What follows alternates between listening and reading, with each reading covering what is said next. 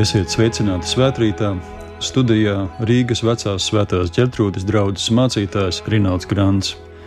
Šajā rītā mēs uzklausīsim Dievu vārdu no Mateja evaņģēlīja 22. nodaļas. Tad farizēji aizgāja un apspriedās, ka Jēzu vajadzētu pieķert kādā vārdā.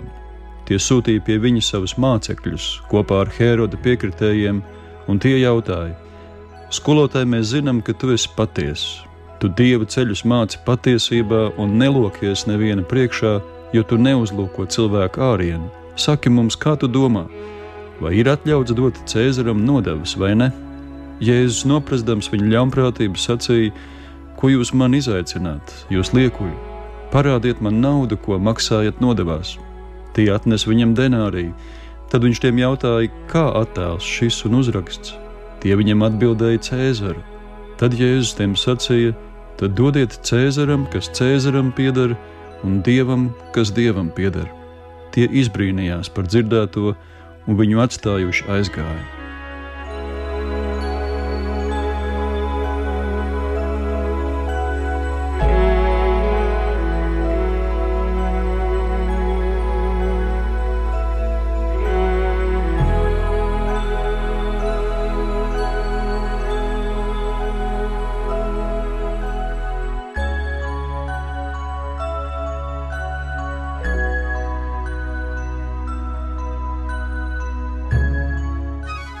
Laicīgās un garīgās varas pārstāvji Jēzum uzdod sprādzienu bīstamu jautājumu par nodokļiem. Gadsimta garumā jūdi bija piedzīvojuši smagu nodokļu nastu. Jēzus laikā to veidoja gan reliģiskais nodoklis, gan tas, ko okupācijas varas labā iekasēja Romas imperatoram. Šobrīd arī mūsu sabiedrībā ir viens eksplozivitātes ziņā līdzvērtīgs jautājums par to vēlāk. Jautājumu par nodokļiem uzdod sūtņi. Autori, farizēji paliek neredzami. Tā pamatā nebija patiesa un godīga interese uzzināt atbildi. Pharizējus vadīja nolūks, jeb skaidrs aprēķins. Nu pat ar vairākām līdzībām Jēzus viņiem bija uzrādījis to, ko viņi paši negribēja redzēt un atzīt. Viņi bija izaicināti. Tā vietā, lai viņi būtu gatavi sevī ieraudzīt vajadzību un iespēju mainīties, Viņi iedegās emocijās, tās pārauga aizvainojumā un tālāk jau naida vadītā rīcībā. Tagad viņi mēģina Jēzus pieķert, lai pēc tam diskreditētu, apsūdzētu, notiesātu, no nērtības atbrīvotos un dzīvotu tālāk kā iepriekš. Viņi rada šķietam ideāls lamatas. Saki mums, kā tu domā, vai ir atļauts dot Cēzaram nodevas vai ne? Manuprāt, viņi gaidīja, ka Jēzus, kā tautas mīlēts un atzīts ticības skolotājs, teiks, ka īstenībā ticīgs cilvēks ir brīvs Cēzara priekšā nodokļus nemaksāt. Ar to pietiktu, lai Jēzu ar apsūdzību nogādātu pie vietvalža. Pharizēji mācekļi un herodieši stāv patiesa cilvēka un patiesa dieva priekšā, bet viņi nesaskata neko vairāk kā mērķi Viņi neredz ne šī cilvēka skaistumu, ne dievu viņā. Gandrīz nav ko viņiem pārmest, jo no pieredzes zinām, kas mūsos notiek, ja vēlamies sevi aizstāvēt, un mums taču vienmēr uz to ir tiesības. Tomēr būsim uzmanīgi pret to, no kā mēs sevi aizstāvam. Reizēm problēma nav meklējama tur ārpusē, bet mūsos. Gluži kā šajā gadījumā farizēju problēma nebūtu, nebija Jēzu. Mūsu sprādzienu bīstamais jautājums ir par vakcinēšanos. Iespējams, kādiem jau apnicis. Tomēr paralēlis starp šo raksturvietu un šodienas mūsu vidū notiekošo ir tik spilgts, ka par to nerunāt nozīmētu neredzēt zīloni telpām. Kad sociālos tīklos palast tvītus, postus un komentārus, tad no vienas puses var priecīgi brīnīties par izteiksmes jaudu un radošumu, bet no otras puses paliek bail par motivāciju un attieksmi, ar kādu tas tiek darīts. Līdzīgi farizējiem pēdējie bieži paliek apslēpti. Ja ar tādu sirds saturu mēs uz ielas satiktu Jēzu un izrādītos, ka viņš nav mūsu pusē, vai mēs viņu atpazītu kaut ko vairāk par mērķi, Mums ir tiesības uz savu viedokli, mums ir tiesības sevi aizstāvēt, bet mums ir godīgi jāizvērtē, kas ir tas, kas mūs motivē un virza. Gluži kā sūtņus motivēja un virzīja farizēji, kur paši palika apslēpti. Vēl vairāk, kā tas izskatās Dievu priekšā, kuram svarīgs neesmu tikai es, bet visi cilvēki. Pretējā gadījumā rezultāts ir lockdown un sašķelta sabiedrība. Visticamāk, arī mūsu gadījumā problēma un risinājums nav tik daudz meklējams tur ārpusē, bet mūsos.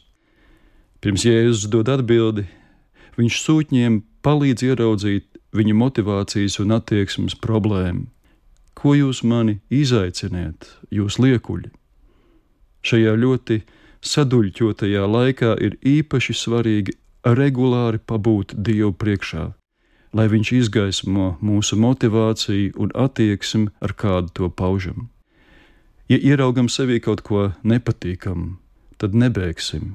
Dievs mums uzrāda sāpīgas lietas, ne lai sodītu, bet lai apskaidrotu un atbrīvotu mūsu citādām attiecībām ar viņu, ar sevi un līdz cilvēkiem. Tālāk sako Jēzus atbild. To sniedz kāds, par kuru pat viņa ienaidnieki saka, tu esi patiess. Tu dievu ceļu māci patiesībā un nelokies neviena priekšā, jo tu neuzlūko cilvēka ārienu. Jēzus lūdz atnest monētu un jautā, kā attēls šis un uzraksts Cēzaru.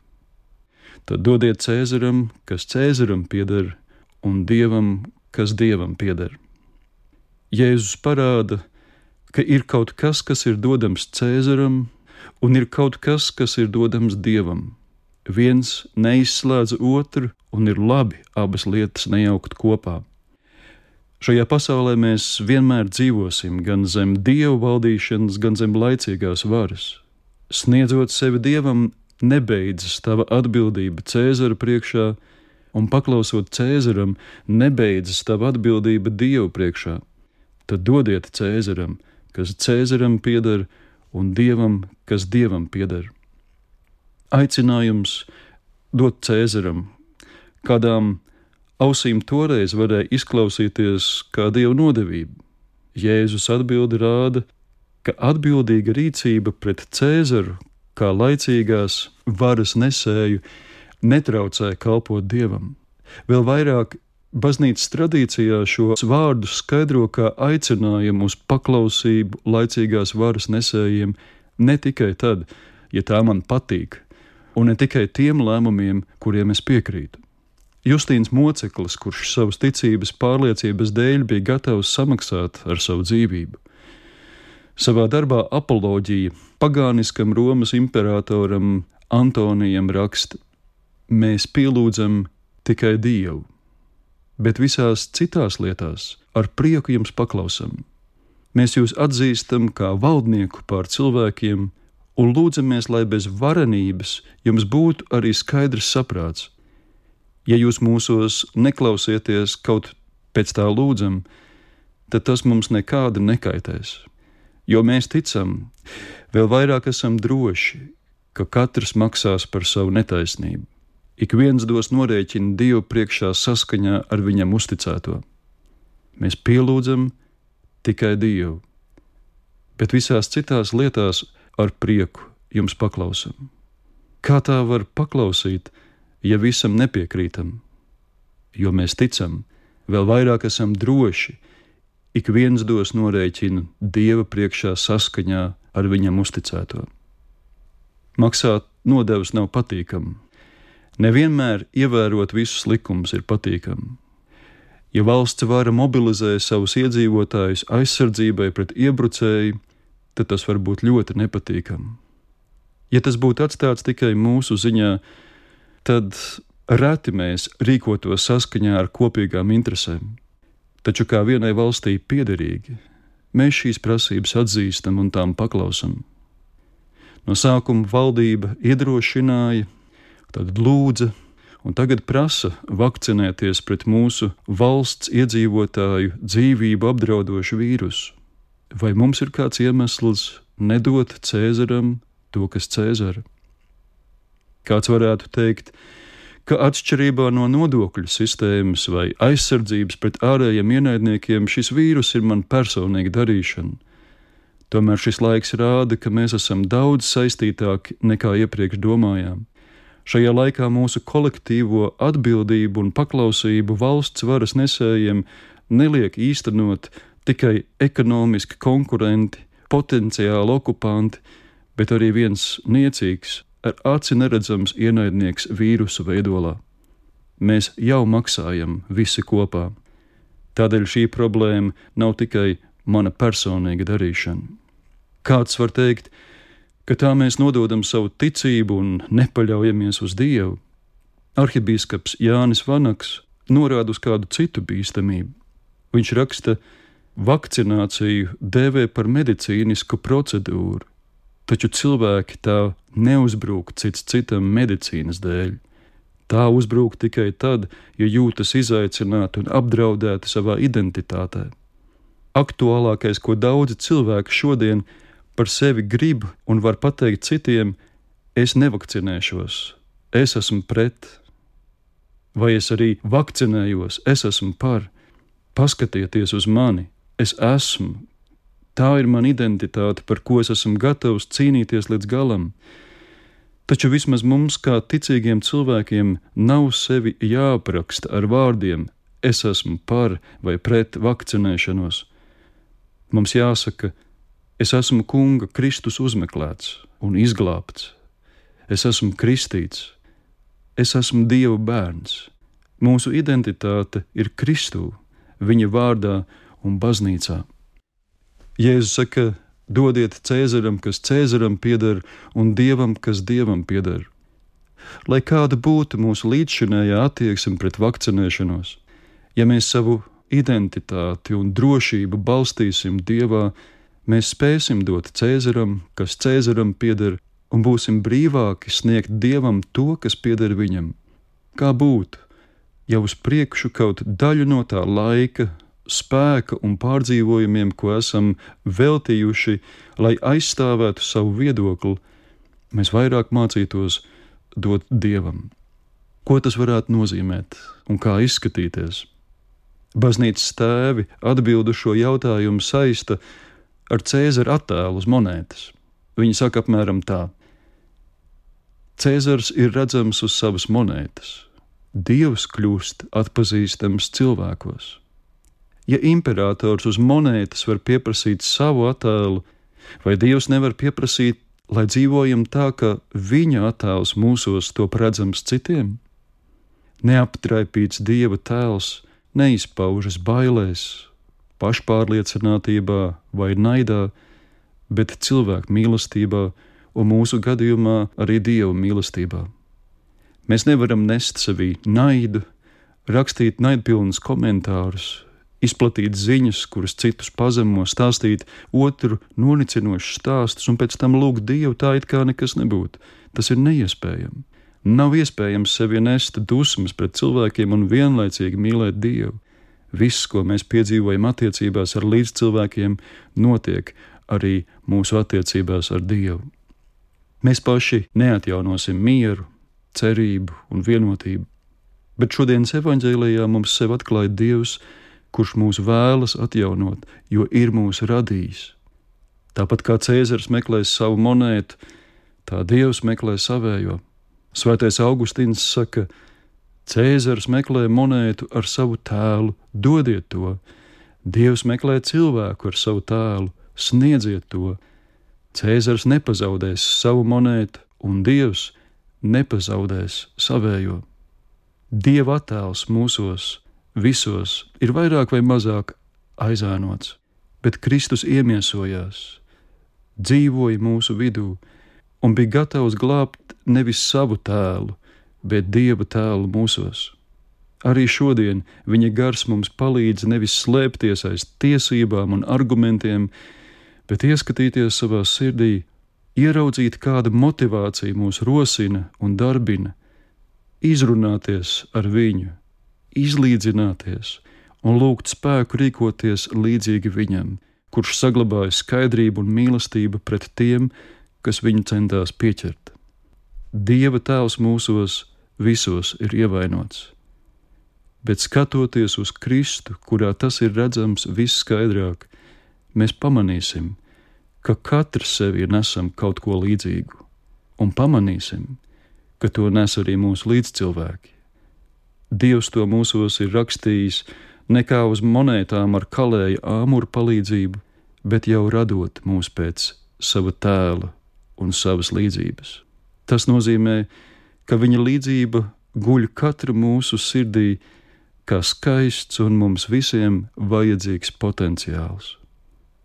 Dievs svētī, ka šis izaicinājuma laiks palīdz mums to atklāt sevī un citos. Āmen!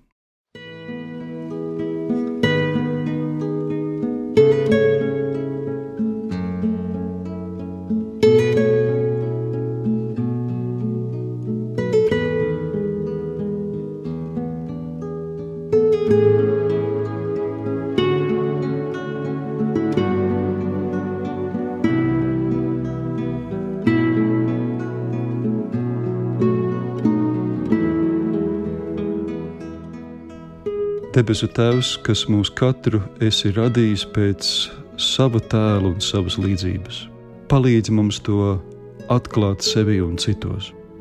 Paldies, Tev, Jēzu, ka tur, kur Dieva tēls mūsos ir aptumšots, Tevī tas var tapt atjaunots. Dziedini mūsu katru un mūsu tautu kopumā. Mēs uz Tevi saucam un lūdzam. Mūsu Tēvs debesīs Svētīts lai top tavs vārds, lai nāk tava valstība, tavs prāts, lai notiek kā debesīs, tā arī virs zemes. Mūsu dienascho maizi dod mums šodien, un piedod mums mūsu parādus, kā arī mēs piedodam saviem parādniekiem. Un neieved mūsu kārdināšanā, bet atpestī mūs no ļauna, jo tev pieder valstība, spēks un gods mūžīgi mūžos. Āmen! Lai mūsu svētī un pasargā visu spēcīgais Dievs, Tēvs un Dēls un Svētais Gars. Āmen!